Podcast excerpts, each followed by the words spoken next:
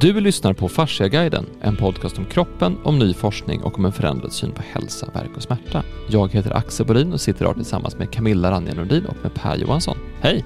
Hej. Hej. Nu ska vi prata om ett ämne som jag brinner väldigt mycket för, eller har brunnit mycket för, och det är hur... Egentligen, vi utgår från frågan, hur kan unga människor bli intresserade av kroppen? Så hur, hur blir man intresserad av kroppen som ung? Och vad är skillnaden på att vara ung och gammal? Och, och hur, hur, hur kan ett intresse väckas och så vidare? Och det här kommer lite av, dels att vi fick ett, eh, ett mejl in till Farsaguiden om just det här. Eh, jag upplever att unga människor är ointresserade av kroppen. Hur kan jag hjälpa dem att bli intresserade? Var det någon som mejlade in. Och sen så var det faktiskt en, en släkting till mig som skrev till mig för ett, nästan ett år sedan och sa att jag jobbar i en jag lyssnar mycket på podden och tycker det är jättespännande. Ja, vad kul, tänkte jag. En släkting som lyssnar på podden, det var ju trevligt. Och sen sa han att jag jobbar på en högstadieskola och jag upplever att jättemånga elever har problem med sömn, kost, stress, fokus som de inte hade förut. Att det har hänt någonting. För har man varit lärare länge så kan man se en förändring. Och han har verkligen känt den. Han beskrev en växande frustration de senaste ja men, fem, sex åren i att det har blivit värre och värre och värre. Eh, att det, det, är svårare att få, och det, det, var någon som man sa som, den här personen äter inte. Alltså han, han hittar ingen lust att äta, han hittar ingen någonting sånt där. Alltså det finns en koppling här mellan, mellan att förstå sin kropp och att koppla vi pratat om med den levande kroppen, att, att ju mer du stimulerar flödet, det levande, ju, mer du, ju bättre näringsstatus du har, ju bättre du mår, desto bättre presterar du också, eller desto bättre kan du... Så, så det finns ju någonting här. Kan man, kan man ha... Ja, och nästa exempel så har vi haft, en, eh, vi har haft mycket workshops och då kommer, när det kommer någon som är 17, 18, 19 år på en workshop så blir vi alltid så glada alla runt omkring för det är så här, tänk om jag visste det jag visste om kroppen nu, då, säger då de andra deltagarna. Att tänk vad, vad häftigt att du är här nu som så ung så att du inte behöver du behöver vara med om en resa och sen upptäcka någonting när du är 40 eller 45 och då eh, börja lära dig om kroppen och så vidare. Så vad, vad skulle hända om man lärde sig om kroppen tidigare? Mm. Eh, och det kan jag ta som exempel igen att både, både jag och min bror har ju mer eller mindre ofrivilligt hamnat i sammanhang där vi fått lära oss förstå kroppen från tidig ålder. Och jag märker framförallt på honom som är sex år yngre än mig vilken nytta han har av att förstå sin egen kropp när han utövar idrott, när han blir stressad, när han åker ut för saker i livet, när han växer upp, när han så, alltså bara hans grundläggande trygghet gör så mycket av att han förstår sin egen kropp. Så hur kan vi ta oss an det här ämnet? Hur kan unga människor bli intresserade av kroppen? Jag tänkte att jag slänger ut den frågan och så får ni börja och se vad ni landar i. Får jag börja med att fråga dig angående, angående din bror då, att, uh, hur, vad är det i hans, den kännedom om kroppen som han har tillskansat sig och bibringat och, och, och förstått och fort, fortsätter att förstå bättre och bättre, utgår jag från. Uh, vad, vad, vad, vad, vad är den förståelsen? Vad, hur, vad är det han förstår? Och, och motsvarande i andra, andra människor såklart. Men. Bra fråga. Alltså, jag, jag, tror att en sak, nu är det svårt att prata för honom då, men det kanske också jo, är lättare jo, men för det mig. Därför, vi kan generalisera ja. den om vi har erfarenhet ja, av samtal med olika åldrar och allting. Vad, vad, är det man, och säg själv för den delen, vad, vad är det man förstår egentligen? Och sen just säga, det är kanske lättare för mig att säga det om honom än om honom att säga det om sig själv, så det kanske finns en fördel i alla fall. Men jag, jag har ju följt ja, det kan det, det kan det vara. Eh, så jag har ju följt honom i hela hans liv såklart eh, och vi har varit väldigt nära varandra och det första skulle jag säga att han, han vet att han har makt över sin egen hälsa. Alltså han vet att han kan göra saker för att må bra. Eh, och han vet också att han, gör han inte saker för att må bra så mår han inte lika bra. Och Det kan vara allt ifrån träningsbelastning till sömn, kring vad han äter, kring hur han Eh, tar sig an dagen. Kring, så att han vet att gör han så här så kan det vara det där. Eh, det är ena biten och sen den andra är väl att han fått upp intresset för att experimentera. Så att han har experimenterat mycket med, med kost till exempel, eller med träning, eller med sömn, eller med upplägg. Att vad händer om man gör så här istället? Vad händer om man äter så här? Vad händer om man tränar det här? Vad händer om man om man gör så. Så det är den andra biten, att han, han har sett den delen. Eh, sen tror jag också att det finns en, en trygghet i att, att han vet att han alltid kan få hjälp eller att det aldrig är kört. Att det alltid är, för han har ju växt upp tillsammans med en massa terapeuter. Alltså han har ju, mm. När han spelade hockey när han var tio, då sprang ju Hans in på isen och behandlade folk när de hade gjort illa sig. Så att han fick ganska mm. snabbt se att man kan behandla på ett annat sätt och att saker kan läka. Och då blir man ju mindre orolig för ett sätt, på ett sätt vad som händer när jag skadar mig, men det är också en annan eh, Ja, och så, det alltså han är aldrig sjuk på samma sätt. Han vet hur han tar hand om sig Han känner oftast av när han är på väg att bli för trött eller på väg att gå in i, i väggen. Så sen, så, sen så lär man sig ju, det betyder inte att han aldrig blir sjuk eller aldrig gör något dumt eller så, utan man får också lära sig av erfarenhet när man råkar ut för någonting. Men jag tror att det är den grund, grundtryggheten i att han litar på sin kropp. Alltså han litar på att kroppen vet, vet vad den håller på med. Om man nu ska prata om kroppen som ett den. Men alltså den, den delen av det. Mm. Um, men sen är ni ju också eh, hälsosamt uppväxta så att säga med bra mat och Ja, det kom in i vanorna ja, också. Jo, men precis. Det är, själv, det är en självklarhet därför att ni, ni har det hela tiden, haft det hela tiden runt omkring er. Eh, antar jag, tar för givet. Eh, så att, säga. så att det, det, inte så mycket skräpmat. Utan, eh. Ja, och då, det kommer också in att jag tror att när man... Vi, vi pratar ofta om att allt hänger ihop och att det är en helhet.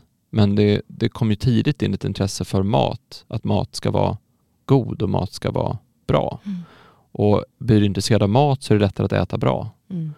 Så jag tänker att det, det, är två saker du har sagt som, som man kan haka upp vidare eh, funderingar på. Det ena är att du, du, bland det första du sa var att han eh, känner att han har makt över sin egen kropp.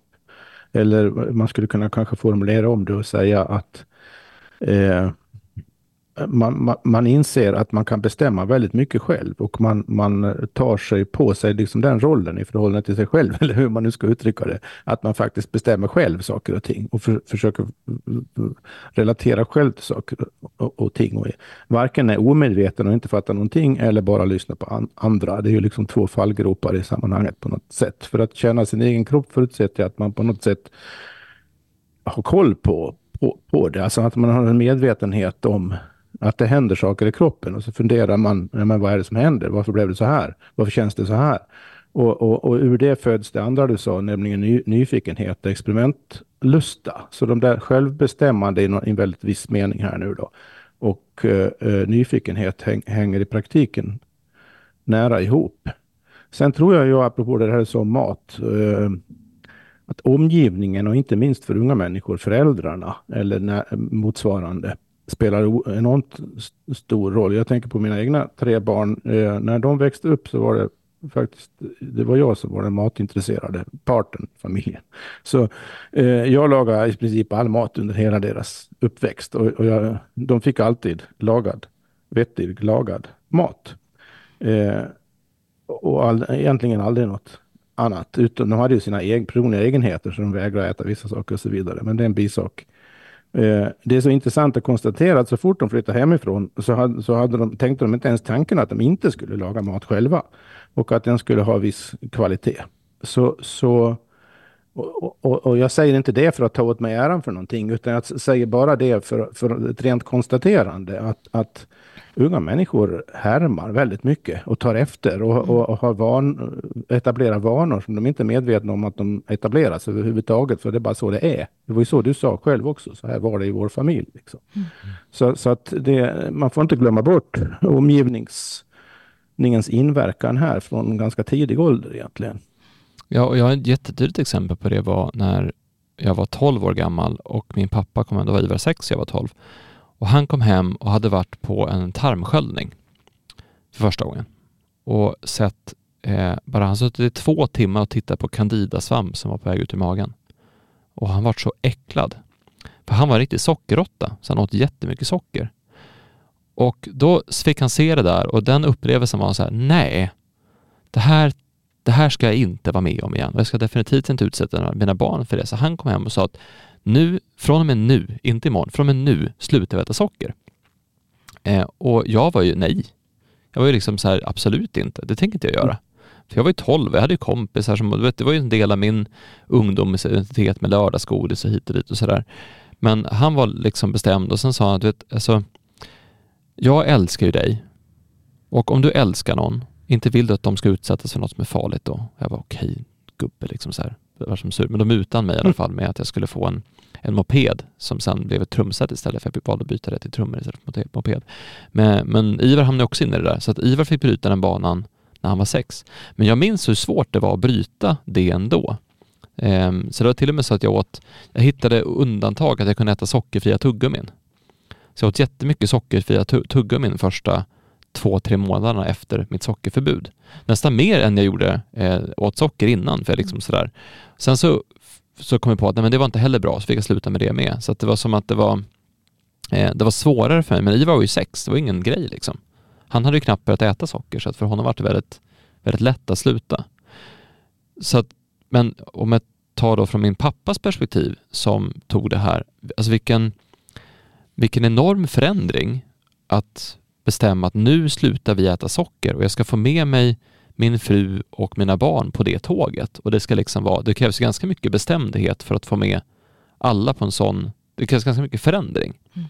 Och det är också satt spåren i att vi är nog mer formade av den upplevelsen än jag tror, än jag, än jag insett. Det här med att man, man kan göra en sak men sen kommer någon in och har sett någonting och nu gör vi totalt tvärtom. Nu ändrar vi allting på kort tid.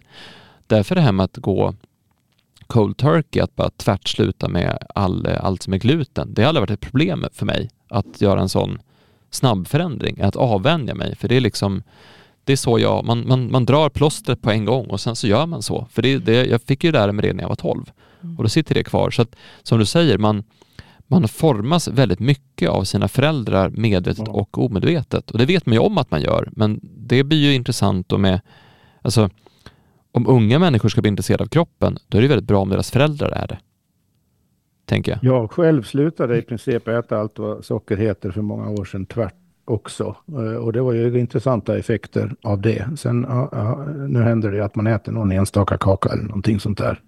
Men, men det, vi hade ju en rutin i vår familj. Eh, vi hade lördagsgodis då i måttlig mängd. Och det var, det var en sån fast rutin det där att, att eh, godis det fick man bara lite grann på lördagarna.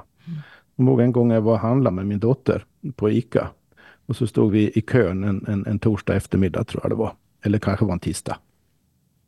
Och så var det eh, en, en pappa med några barn som stod före oss i kön och köpte godis. Och så vän, Agnes, vad kan hon ha varit? Sju, åtta år kanske. Så, eh, så, så vände hon sig om till mig, liksom storökt, och så frågade hon Vad är det för dag idag? Ja, det är tisdag, sa jag. Men, men, men, de köper ju godis. Hon, hon levde i den föreställningen att det var ingen som åt någon godis någon annan dag än lördag överhuvudtaget i världen. Så det, det, det, säger, det tycker jag är en sån talande incident för det där hur, hur självklart det är för barn hur det är i familjen. Liksom. Ja. Så, så det där måste, tror jag man måste ägna lite extra tanke åt som förälder också faktiskt. Inte bara när det gäller mat och kroppen och så vidare utan allting. För att eh, barn är som svampar och det är väl någonstans i kanske 12-årsåldern och framåt och tonåren och vidare. Det är väl då eh, man som barn och ung börjar tänka lite mer. Eh, blir mer självmedveten helt enkelt. Och i och med det så öppnas det också ett fönster då. Och, och, och, och själv börja lära sig saker och bli lite mer oberoende av inte bara föräldrarna utan annat i omgivningen också. Så det, det, det, det, det, det är nog det fönstret som är det, eh, när det gäller den här självbestämmandet och nyfikenheten och, och, och, och, allt det här. Det måste man på något sätt börja få fatt i, i tonåren helst. Det är inte för sent sen, men det är, då, det är då man kan få lära sig och lära sig själv och befästa nya vanor. Det är min hypotes i sammanhanget. Det är inte för sent sen, men det är, det, samtidigt är det extra svårt då också för att det är för, eftersom det är då man börjar fundera över tillvaron, inklusive sig själv och sin egen kropp på allvar. Och, och är medveten om att man gör det. det. Då är man ju också väldigt sårbar för alla möjliga egna eh, idéer och rätt, rätt föreställningar och vanföreställningar och andras idéer och, och massmedia och, och, sociala medier och allting. Så att, eh, ja.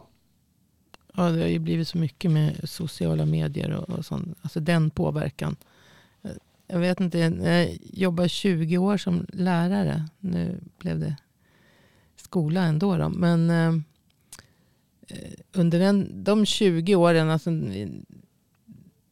mot slutet, eller det, det, blev en eh, stark förändring och försämring av, av elevernas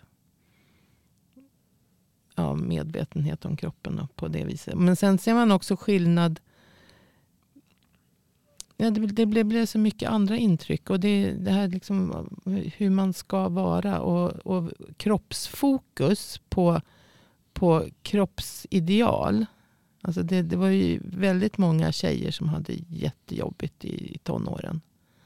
Men det är ju inte den kunskapen om kroppen utan de kunde ju späka sig bara för att liksom få ett kropps se ut på ett visst sätt. Men de hade ju ingen kunskap om och intresse för kroppen egentligen. Vad, vad som hände i kroppen. Och, och att de skadade sig själva på det viset. Men jag var nyfiken, för du, du var där i, i 20 år. Ja. Eh, men vilka år var det här?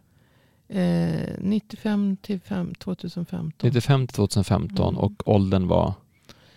Det var ju gymnasieelever som är alltså från 16 till 19. Och, vad, och på vilket sätt? Du sa att det märktes en, en förändring i hur man typ ja, ser på kroppen. Nu var ju det här, alltså jag undervisar ju på häst och djurutbildning, hästhund och, häst, eller hästhund och, och smådjur eh, på naturbruksgymnasium. Så att, eh, och det var ju också det, det, alltså, om det här hur man har det hemifrån. För det var ju väldigt många elever som hade väldigt stökigt och jobbigt hemma. Och de flyttade ju. Eh, det var ju internatskola också. Så de, de liksom flydde ju hemifrån. Och, eh, så att, där såg man ju, inte alla bodde ju på internatet, men man såg en väldig skillnad på, på hemförhållandena och på... Alltså det är ju skillnad på vad får de för mat, vad har de för matintresse, vad, vad, alltså för råvaror eller skräpmat. Eh, ja, billig skräpmat. Som inte alltid är billig egentligen, men, men det är enklare. Och man har det jobbigt så att det, det, är liksom, det är enklare att bara ta till eh, sånt. Så, så det, det är ju skillnad så vad de hade för säga, social bakgrund, familjebakgrund så att säga. Vilket intresse de fick. Men sen pratade vi djur hela tiden och då kunde man ju liksom fokusera på djurens välmående. Och jag hade ju en kurs som hette djursjukvård eh, under alla åren. Och den var ju väldigt, väldigt jobbig kurs. Därför det var ju mycket anatomi och fysiologi. Och, men då var de, kom de ju hela tiden in på sig själva. Alltså vi pratar om hur djuren fungerar. Men, men hur fungerar vi då? Och vi, så vi pratar väldigt mycket människa också. Fast då hade ju inte jag fasciakunskapen. Så nu, det var ju lite tråkigt måste jag säga. Om jag hade haft det så hade jag kunnat stimulera dem ännu mer. Men, eh, Men, när de då fick lära sig om anatomin och fysiologin, hände det någonting med, med dem och deras egna förhållande till kroppen? Ja, jag tror att det hände. Men, men däremot så det, det hände rätt mycket. Väldigt många blev ju mer intresserade. Fast jag tror ju inte att de blev eh, jag kanske inte har omvänt så många, men några har väl omvänt. Men eh, Nej, men sko skolan har ju en kanske viktigaste anledningen till så, så som vårt samhälle ser ut och fungerar och är uppbyggt nu, numera har varit länge. Så är ju, blir ju skolan viktig av just den anledningen du var inne på Camilla. Att många, många har inte de förutsättningar hemifrån som, skulle kunna stärka dem i deras varken självkänsla, självuppfattning eller kroppskunskap eller, och så vidare. Så, så då blir ju skolan väldigt viktig och där, då, kan vi, då måste vi prata lite grann också om hur ser egentligen eh, utbildningen på grundskolan och gymnasiet ut när det gäller, om vi fokuserar just på kunskap om kroppen, hur ser den ut egentligen? För att eh, eh, vissa har ju det väl förspänt då som Axel och andra som har föräldrar som är intresserade av kropps, kroppen och vet någonting om kroppen och, och, och, och på ett eller annat sätt. De flesta växer ju inte upp så. Jag gjorde ju inte det, kan jag säga. Så, så jag fick ju börja intressera mig för kroppen långt senare i livet på allvar egentligen. Men det är en annan fråga, det ska vi inte prata om nu. Utan eh, jag tror vi måste gå in lite på just utbildningsväsendet, hur det fungerar i förhållande till det här. För att så som, som jag sa, så som samhället är uppbyggt så blir det, även om man skulle kunna tycka att det inte borde vara så i vissa avseenden, så, så är det det i alla fall. Så att vad, som, vad man lär sig eller inte lär sig i skolan är en jättestor faktor här. Jag tänkte innan, för det, vi, det var lite intressant när du frågade där om Ivar och vad vi kunde dra ja. för slutsatser. Ja, nej, men jag bara säger det, vi kan eh, återvända ja, till det. Vi jag tycker vi ska dit. Det direkt. Um, för innan vi går dit bara, så vi, vi sa ju någonstans att den ena saken var ju det här med makt, eller, eller egen makt, eller att man känner um, ägandeskap eller ansvar för sin, för sin kropp. Alltså, och, och, när vi pratar om när vi pratar om principer så har vi kommit på efter många om män att, att principerna går igen överallt. Så att kunskap om kroppen är egentligen liknande kunskap om, om andra ämnen eller någonting. Ja, och det gäller när vi pratar om kroppen så pratar ju vi egentligen inte om, när vi använder ordet kroppen, så tänker inte vi som jag tror de flesta tänker. Utan kroppen är en sak och, och, och, och, och psyket och känslorna är en annan sak och tankarna är ytterligare en sak och så vidare. Vi, vi har ju mer och mer kommit att prata om kroppen utan att kanske riktigt tänka på det själva. Att det, det, vi gör det jämt. Som, som jag sa en gång att kroppen är, är det ett ställe. Det, det är där vi äger rum. Så det vill säga allting som händer oss, allt vi vill, allt vi kan, allt vi inte kan, allt, allt, allt vi är med om, alla relationer, alla känslor, alla tankar, allting. Allt det äger ju rum i kroppen. Det äger inte, var skulle det annars äga rum? Det äger ju inte rum någon annanstans.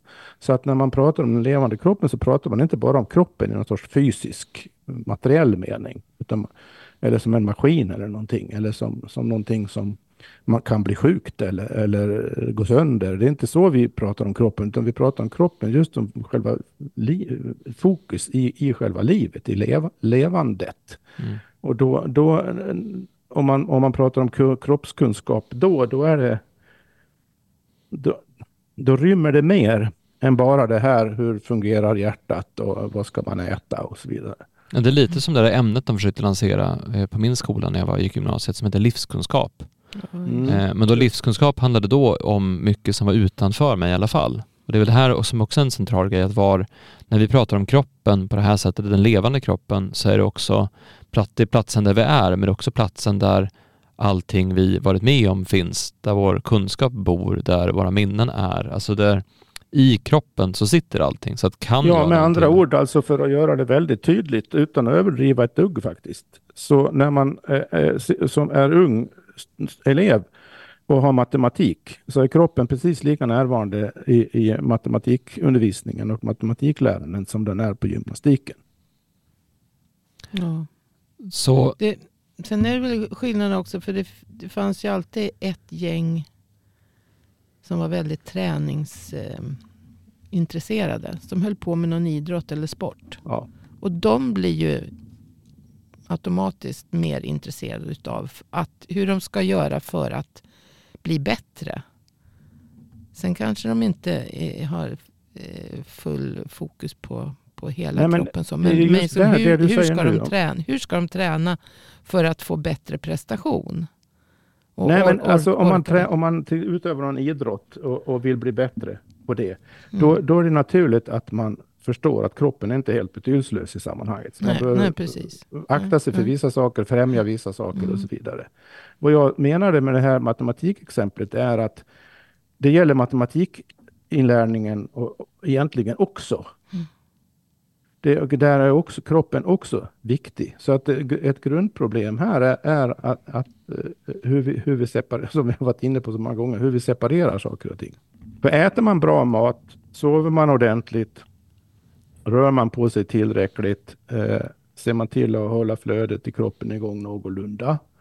Allt egentligen extremt enkla saker. Mm. Bara man får reda på det och börjar ut, utöva det hela. Då kommer man och, och, och även om man... Sen har ju folk olika begåvning, så alla har inte samma begåvning för att lära sig. Vi tar matte då, som exempel bara. Men, men det är ju, oavsett det så är det ju lättare att förstå saker, även matematik. Om, om, om, om man mår bra i själva sin tillvaro, det vill säga i kroppen. Egentligen så för vi två parallella samtal samtidigt, för det ena Ja. är ju att bli intresserad av kroppen, det andra är intresserad av det man kanske enkelt sett kallar hälsa eller saker som främjar kroppens, som främjar välmående. Mm. Och det minns jag vi pratade om, för jag eh, när jag skulle söka gymnasium så sökte jag en kurs bara såklart för att min äldre kompis, eller han var inte äldre men han gick med någon som var äldre, också sökte den kursen som man ofta gör. Det var så, vad ska jag välja för någonting? Och då valde vi det som hette idrottsledarlinjen på Rudbecksgymnasiet i Sollentuna. Jag tror inte det finns längre men den fanns då och det, egentligen var det så här. Det var en vanlig samhällsvetenskaplig eller naturvetenskaplig inriktning. Så man fick välja sam eller natur. Men det var fokus på idrott och idrottsledarskap. Så det som egentligen var grejen var att vi bytte ut, vi tog bort språk, ett, ett av språken och hade mycket extra idrott istället. Så extra idrott och det var, eh, man fick även betyg för idrottsutövandet utanför skolan. Så tränar man handboll så fick man betyg i handboll av sin tränare. Eh, och sen så hade vi, till skillnad från alla andra, idrott två gånger i veckan alla tre år, medan andra hade idrott i perioder, så de hade inte alltid idrott.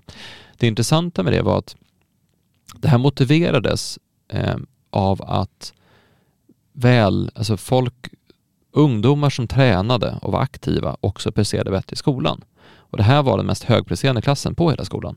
Så det fanns ett samband här mellan att folk hade väldigt höga betyg och eh, idrottade mycket och pratade. Vi pratade mycket om kroppen i, i eh, skolan och hur man, men framförallt med fokus på, på träning kanske Mm. snarare och lite mer välmående biten. Men vi hade då ett ämne som hette idrottsledarkunskap där vi pratade om både ledarskap men också hur kroppen funkar och träningsupplägg och muskellära och lite sådana här basic grejer redan då. Ehm, och det var intressant att se just hur det här hälsofrämjandet också speglade sig i, som du sa, att man, man blir bättre på matte eller att kroppen fungerar bättre. Så det finns en, det finns en synergi här mellan att Ja arbeta hälsomedvetet, få kunskap om vad en kropp faktiskt egentligen är och att eh, prestera och må bra.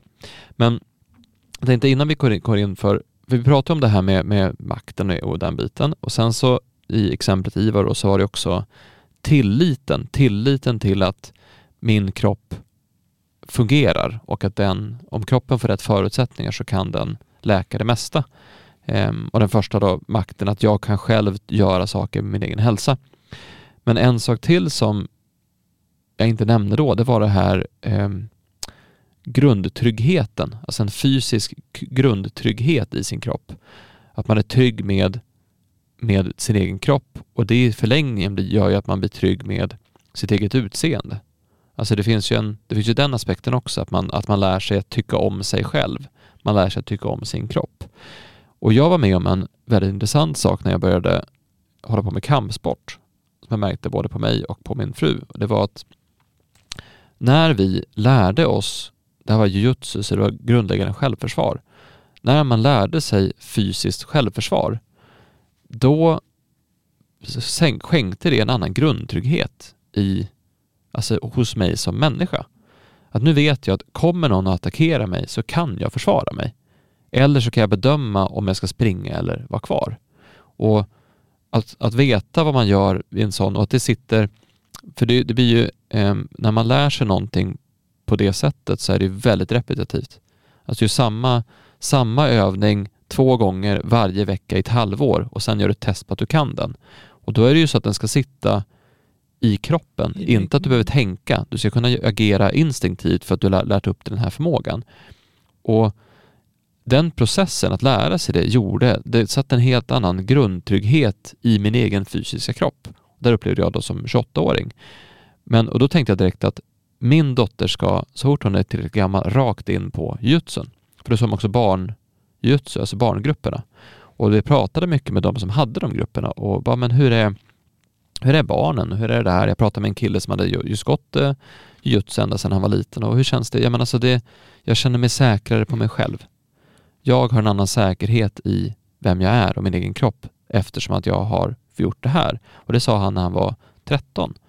Så att det finns, det finns någonting med att få en, en fysisk, praktisk kunskap om sin egen kropp som har att göra med trygghet som människa, att man känner sig stabil.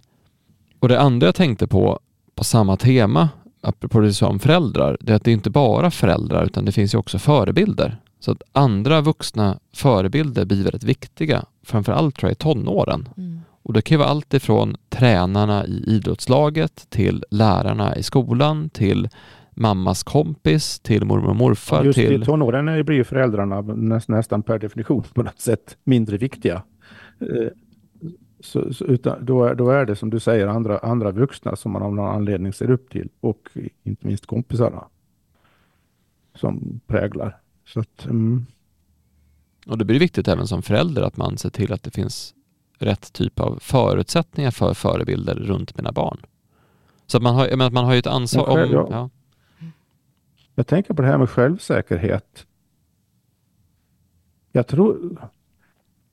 Skulle man till och med kunna våga sig på eh, att, att säga att självsäkerhet måste vara grundat i eh, kroppsmedvetande eller kroppsnärvaro i kropp. Jag, jag tror inte medvetande är lite, lite missvisande för då tänker man att det är något man kan tänka på.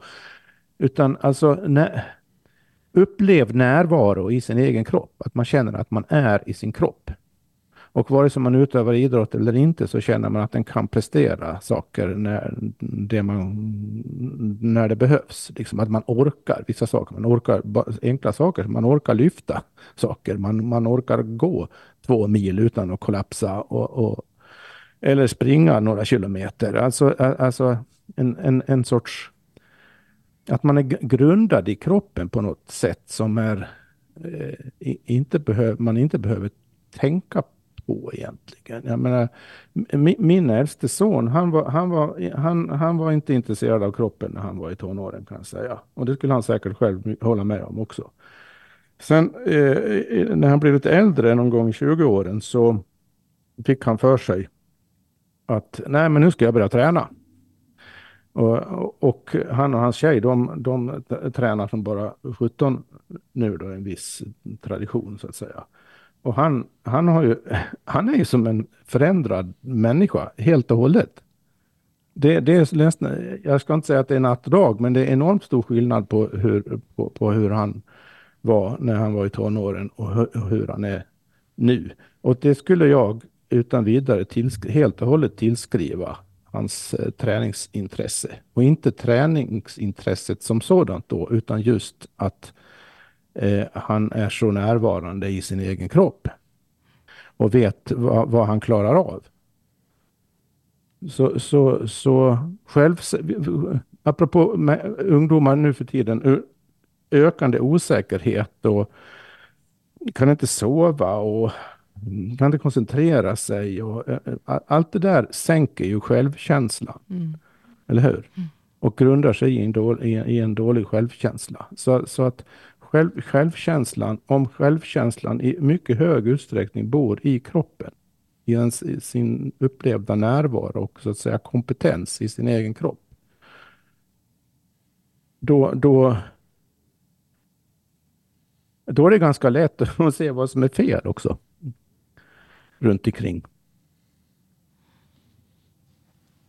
Ja, och jag undrar om... Det, men det, jag säger det för att det är så intressant när man... Ja. Det, det, det är debatter hit och dit hela tiden apropå det här med eh, ungas pro problem och vad ska man göra och psykisk ohälsa och allt möjligt. Men det är otroligt lite av de diskussionerna som jag har stött på i alla fall som mm, pratar om, om kroppen överhuvudtaget för att inte prata om den levande kroppen och närvaro i sin egen kropp och grunda sig i det fysiska och så vidare. Varför gör man inte det? Ja, men I samma veva har också tagit bort vissa mer fysiska ämnen från skolan. För du har mindre idrott idag än du hade förut på ena sidan.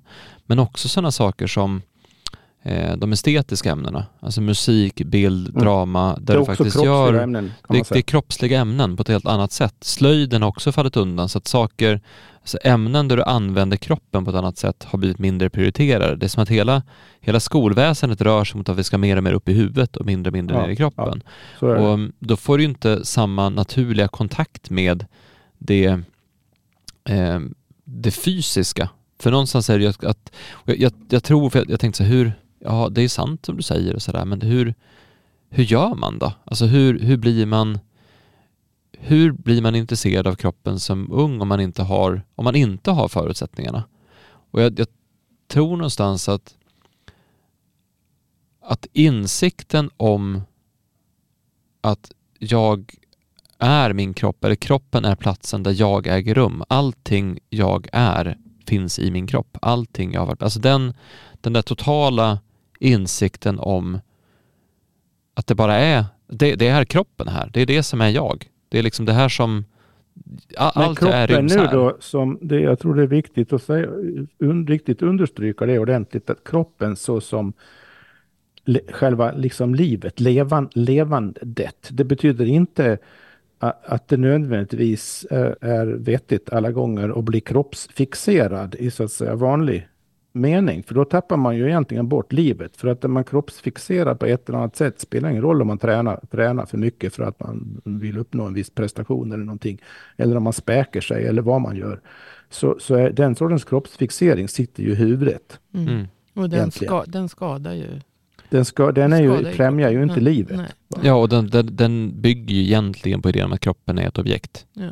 Eh, ja. På något sätt. Men, men om, man tar, om man tar den här, ta, ta den levande kroppen, att kroppen är platsen där jag äger rum. Eh, kroppen är boningen för allting som, alltså all, allt jag lär mig, all kunskap är i kroppen. Alla mina ambitioner är i kroppen, alla mina eh, känslor, tankar är i den fysiska kroppen. Det är, det är en del av min kropp och det är en del av mig. Kroppen är det här Kroppen är det jag har med mig genom hela livet. Kroppen är platsen som, som det här livet är på. Om man på något sätt kan få den insikten att sjunka in i sig själv och börja prata om den insikten med andra. Har du funderat på vad en kropp är för någonting? Din ja, kropp, vad är det för något? Alltså, jag tänker en, en, en följd av det blir ju att man i, i vanlig, vad ska man säga, eh, objektmening blir man på ett sätt mindre intresserad av kroppen i den meningen. Vad man, vad man blir intresserad av då, vad som blir viktigt då är eh, att eh, upprätthålla en tillräckligt hög livskänsla så att man vill saker, man vill utvecklas, man vill, man vill upptäcka, man, man är nyfiken, man, man, man vill utforska, man vill bli bättre på saker och ting, man vill eh, och så vidare. Alltså själva den positiva livskänslan, det är ju den som hamnar i centrum. För det är, det, det är, ju, det är ju den som manifesterar sig i kroppen sen. Mm. Om bri, alla brister på det planet hamnar ju i kroppen då, som kroppsliga åkommor och, och lidanden av olika slag. Och då måste det bli roligt. Därför är det ja, inte alltså roligt. rolighet är otroligt viktigt. För är det inte kul? För det är också Fast i en djup som... mening då. Det ja. som känns liksom djupt tillfredsställande. För det är också det man pratar med, med framförallt unga människor, hur, hur unga människor hålls intresserade av olika ämnen och sånt, så är det ju att det ska vara kul. Det är en sån sak. Det var som, jag minns eh, Hans berättade, han eh, eh, han är ju han är faktiskt lärare, så han utbildade sig till lärare i ekonomi och så var han och körde undervisning på min skola. Det var inte så kul för mig när jag var 17-18 att ha min pappa där, men, men det var som det var. Eh, men då i alla fall så, eh, han spelar spel. Så han hade, körde ekonomiundervisning genom att spela spel. Och i spelet fick de då lära sig eh, balansräkning och resultaträkning och hur ett år ser ut och likviditet och kassaflöde och sådana här saker som när du ritar upp det på en powerpoint så låter det trist. Men när du spelar det så är det faktiskt ganska kul. Det är ganska kul att och bara oj, nu fick vi slut på pengar i spelet här. Vad hände här? Alltså, den, att, att göra det kul gör att det blir lättare att lära sig. Och på det sättet så, man tittar mycket på att man, man kan lära sig eh, Alltså jag, jag kan jättemycket om Leonardo da Vinci. Därför att när jag var eh, sex, alltså sex eller sju år, jag tror att när jag var, när jag var sju år gammal var jag, då hade vi ett Leonardo da Vinci-projekt på min skola då. Alltså jag gick alltså ettan, väldigt liten.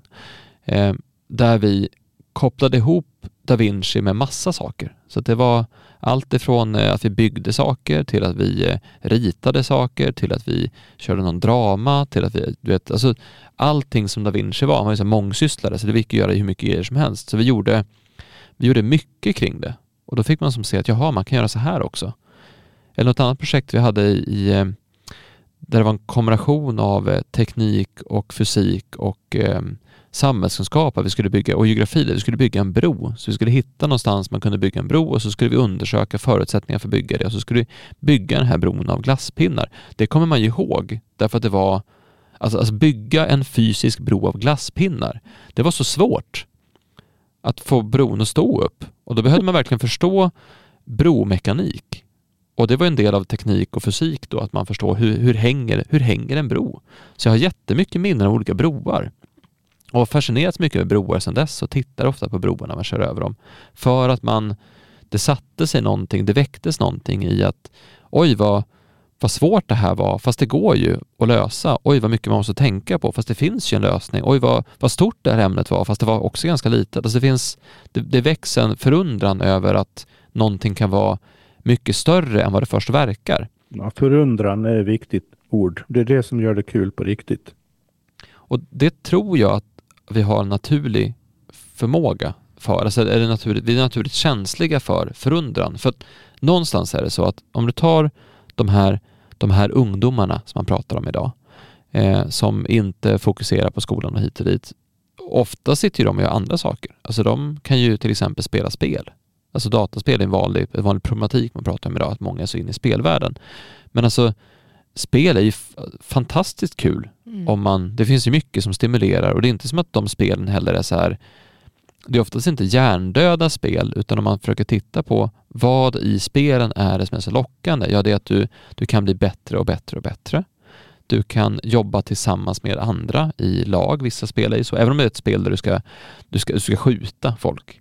Alltså så här, du, du och ditt team ska skjuta ihjäl ett annat team, vilket ju är vanligt. Liksom. Det kan ju låta hemskt, men det är också ett sätt att lära sig fokus, samarbete, reaktionsförmågor, eh, konsekvenstänkande, så att mycket är ju utbildande i det. Kan man få in de elementen i något annat ämne så att man får den här stimulansen någonstans ifrån, då kan man nog ha då kan man nog trigga det på ett annat sätt. För att, mm. Och inte se det som att nej, ni ska nog sluta spela spel nu, utan titta på vad, hur, kan vi göra, hur kan vi göra det vi gör roligare? Jag, jag gjorde också spel faktiskt på djursjukvården, men det var ju sådana klassiska eh, brädspel som det heter. Alltså, jag plastar ju in en stor, vi klistrar ihop papper och med fina bilder och, och så. Och sen gjorde man ju en sån där snirklande gång och sen hade vi olika stationer. Och, och, så det, och det fick de ju spela på av vissa tillfällen. Typ när det var, men de lärde sig jättemycket på det tror jag. Det, även fast det ofta var mycket frågor och så. Som, som, men det tyckte de var roligt. Och då blev det en roligare inlärning tror jag. Utav det ämnet. Men jag tänkte, det är ett fasciaspel. Den levande kroppen. Mm. Spelet om den levande kroppen. Ja, precis. Nej, men, och näring. Alltså det, för sånt hade man ju. Jag pratar ju det om näring för djur. Men det är som jag säger, jag fattade ju inte ens själv. Eller fattade, men jag fokuserade inte på min egen mat. så att säga. Men eh, för det, det, det om, om de all, alla de här, all psykisk ohälsa som vi har pratat om för, för ett tag sedan. Nu med, med näringsbrister. För det som eh, man pratar mycket om det är ju liksom eh, kalorier eller megajoule och, och protein. Det är liksom det som är näringen, framförallt kalorierna. Och just i de här tiderna när det, maten är dyr och det är jättedyrt med och pratar hela tiden om att eh, skolmaten måste, de kan inte liksom få ihop någon bra kost till barnen. Det är ju, det är ju mm, jätteskadligt tror jag. Med just att, att tappa intresset för, eller att få upp intresset för mat tror jag är jätteviktigt.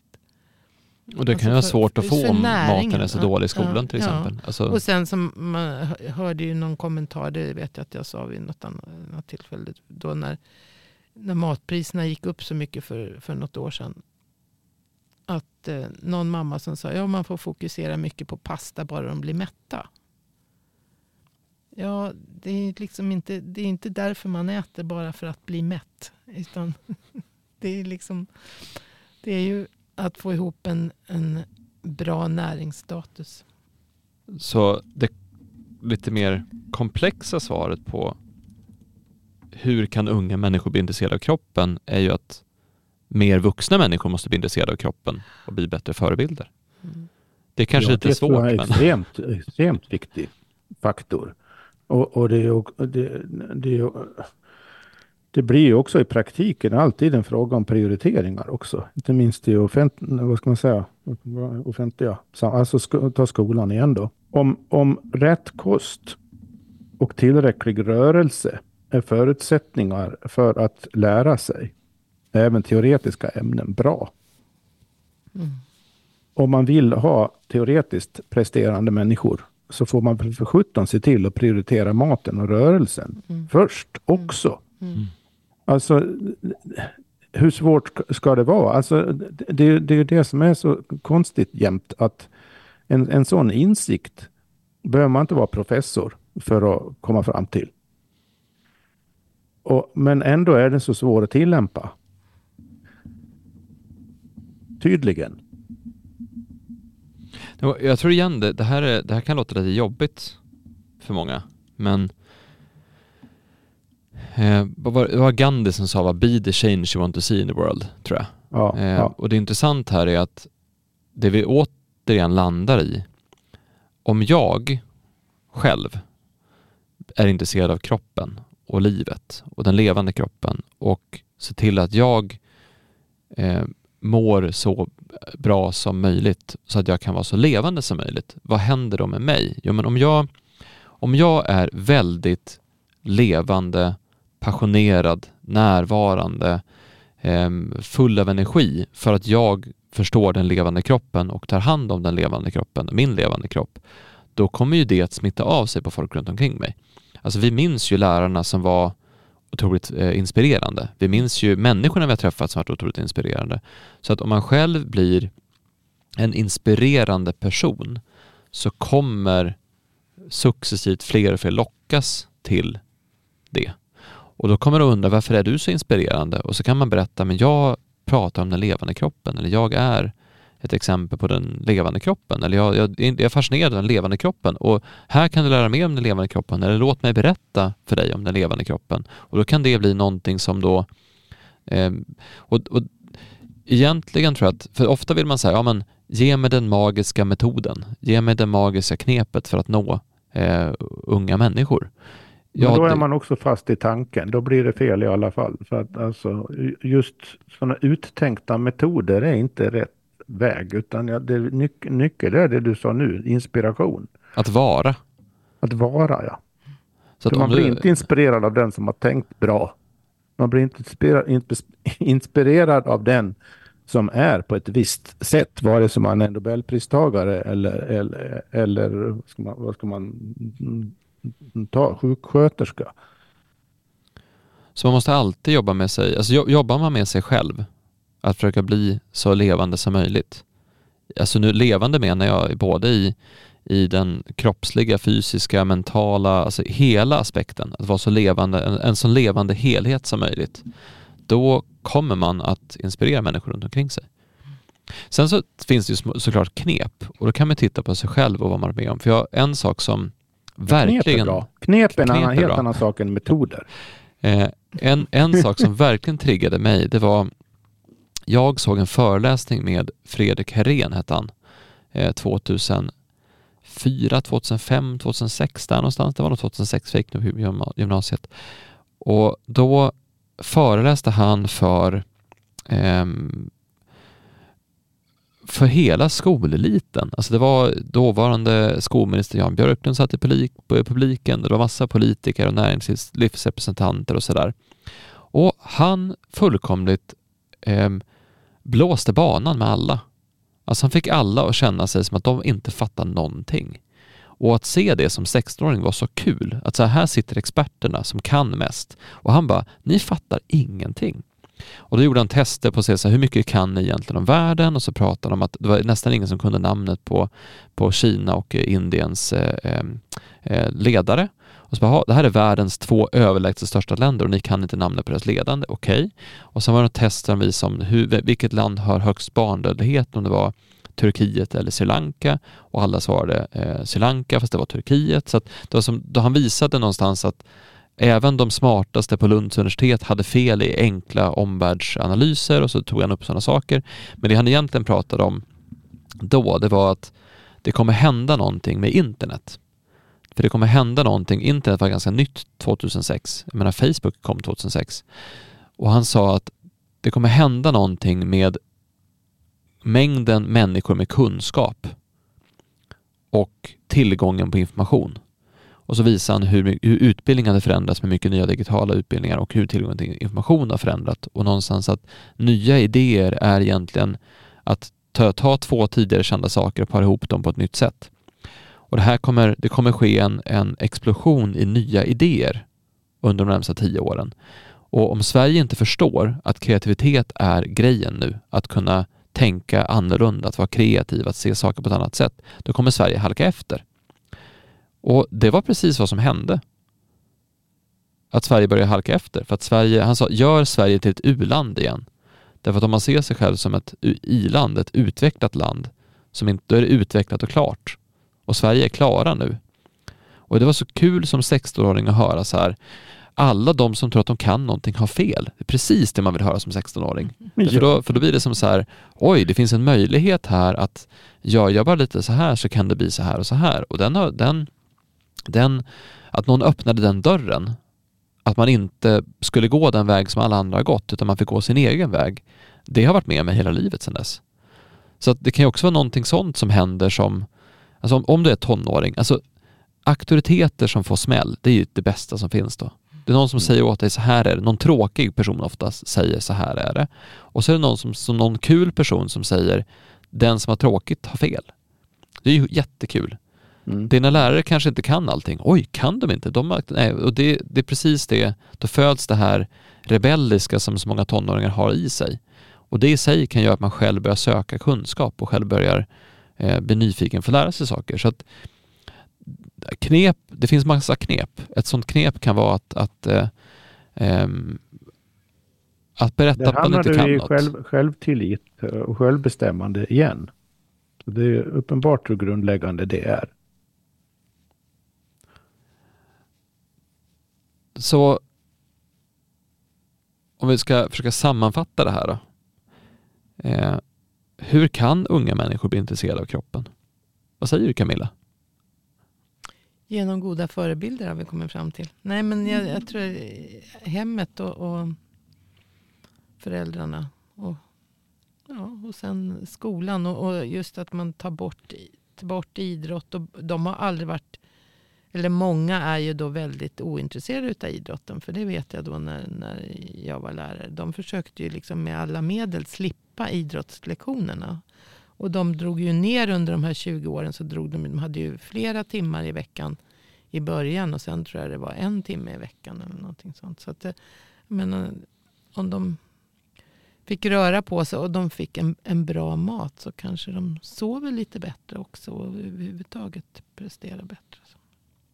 Men då blir ju någonstans, för det som, det som man ändå gör lite grann i Sverige som är rätt speciellt är att man, man lämnar någonstans över ansvaret till någon annan. Så att vi har ju någonstans sagt att, ja men, och det, det här berättar jag om, jag känner många lärare som också säger det, att det är som att föräldrarna bara här, ta mina barn och Mm. eh, lär dem. Jo, så. Ehm, så att man kanske snarare ska säga, jag ska lära mina barn och sen så får skolan komplettera. Istället jo, för men det att... var det jag menade med det måste ju börja med föräldrarna. Så att säga. Att, att, eh, För det kan vara lättare att lära sig vissa saker just utanför skolan. Ehm, för att man är mer mottaglig eller att man tycker mer tryck. Och någonstans är det också att det är där man vill ha det är där man vill ha fokus. Jag, jag märker det så mycket på min dotter nu att om inte jag ger henne ehm, Ibland så fokuserar man på något annat, till exempel att man plockar undan eller städar, lagar mat eller fixar någonting sånt. Och då hör man hur hon liksom börjar ändra sitt lekande till att leka själv, till att liksom försöka involvera mig i det. Så hon ropar efter uppmärksamhet hela tiden. mm. Och barn vill ju jättegärna ha sina föräldrars uppmärksamhet. Mm. Och ger man dem den och då blir det en annan det blir ju någonting annat av det. Men där har du också en, en, en viktig grund då för det här självbestämmandet och självständigheten. Det är att barn måste, ja, kanske ska säga så starkt. Barn måste lära sig att leka själva också.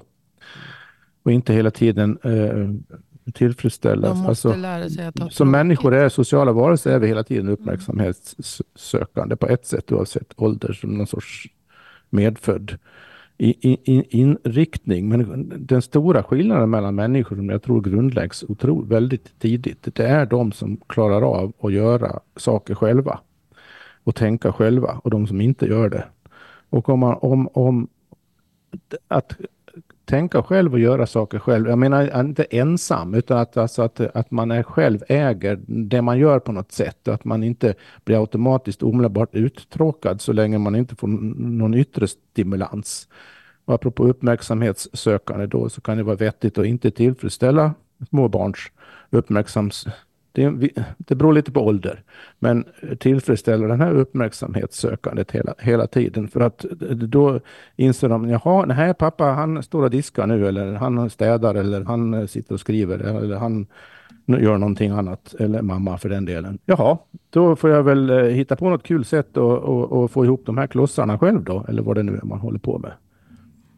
Och, och där, i viss tidig ålder, där tror jag också, apropå spel och datorer och skärmar och allting, där kan man, ju, kan man faktiskt eh, är väldigt tveeggat. För det beror så otroligt mycket på.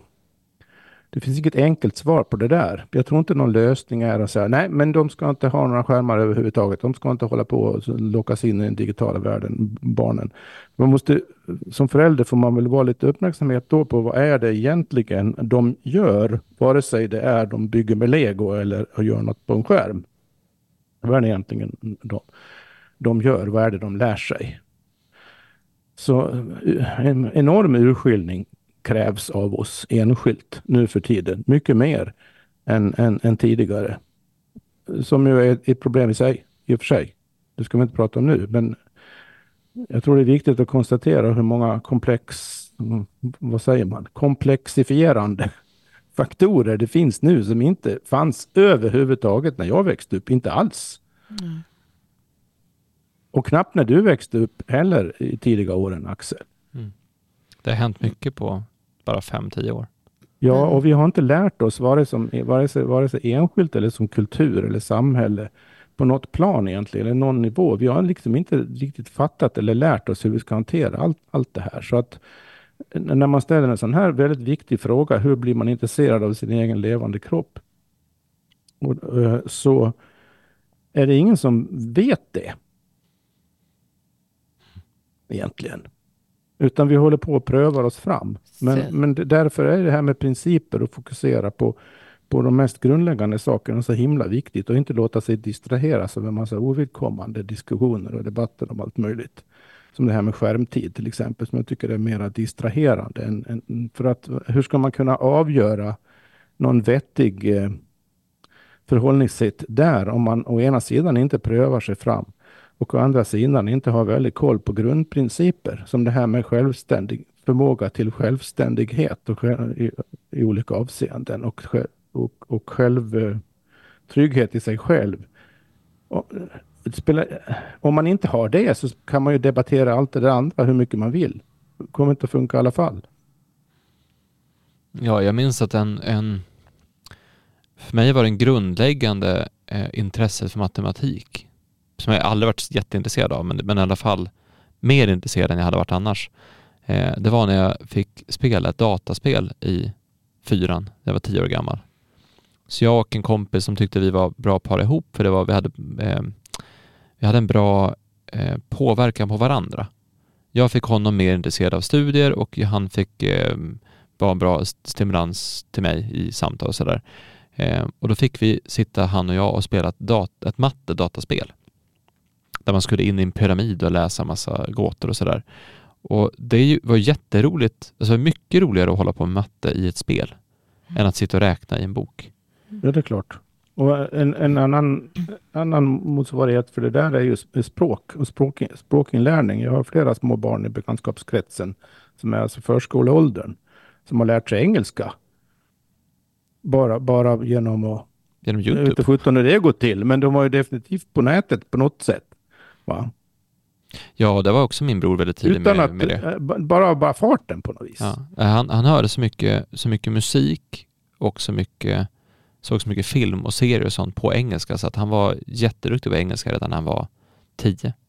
Mm. Ehm, just för att det kommer in så tidigt. Det, det märker jag att min, min dotter i. Hon gör ingen skillnad på om, om hon sjunger Let it go på engelska eller om hon sjunger Imse på svenska. Det är liksom, det är samma. Hon kör ju, hon är lika bra på båda egentligen.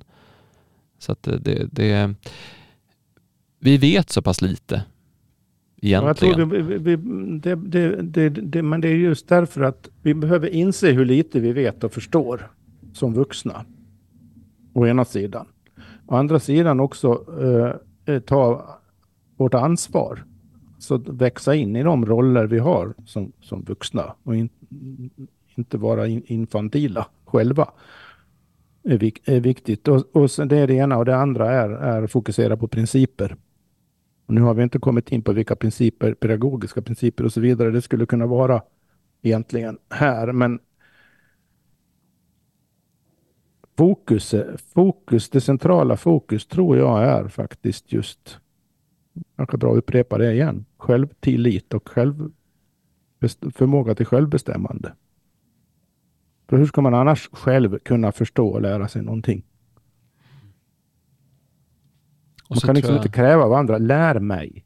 Nej, och jag tror att man som, som eh, då läraren eller förebilden eller föräldern eller så, så tror jag det handlar om att hitta olika sätt att väcka nyfikenhet och eh, fascination och förundran. Alltså presentera saker som kan vara spännande och märker man att det inte fastnar så tar man nästa och så tar man nästa och så tar man nästa. Så hela tiden presentera. Ja, men ta, ta till exempel om du, om du är en, en ung, kanske kille som är intresserad av datorer eh, och kanske har en egen dator. Och så pratar du om att Pollack håller på att ta fram en, en hårddisk byggd på vatten. Då kanske det är någonting som är så här, wow. Eller så är det inte det. Men, men då blir det som att, ja men hur hittar man den vinkeln? Jaha, en hårddisk byggd på vatten, hur funkar det? Jo men vatten funkar så här och det finns även i kroppen så det, det lagrar minnen. Va, kan du? Ja, alltså du kan lagra minnen i kroppen som en hårddisk.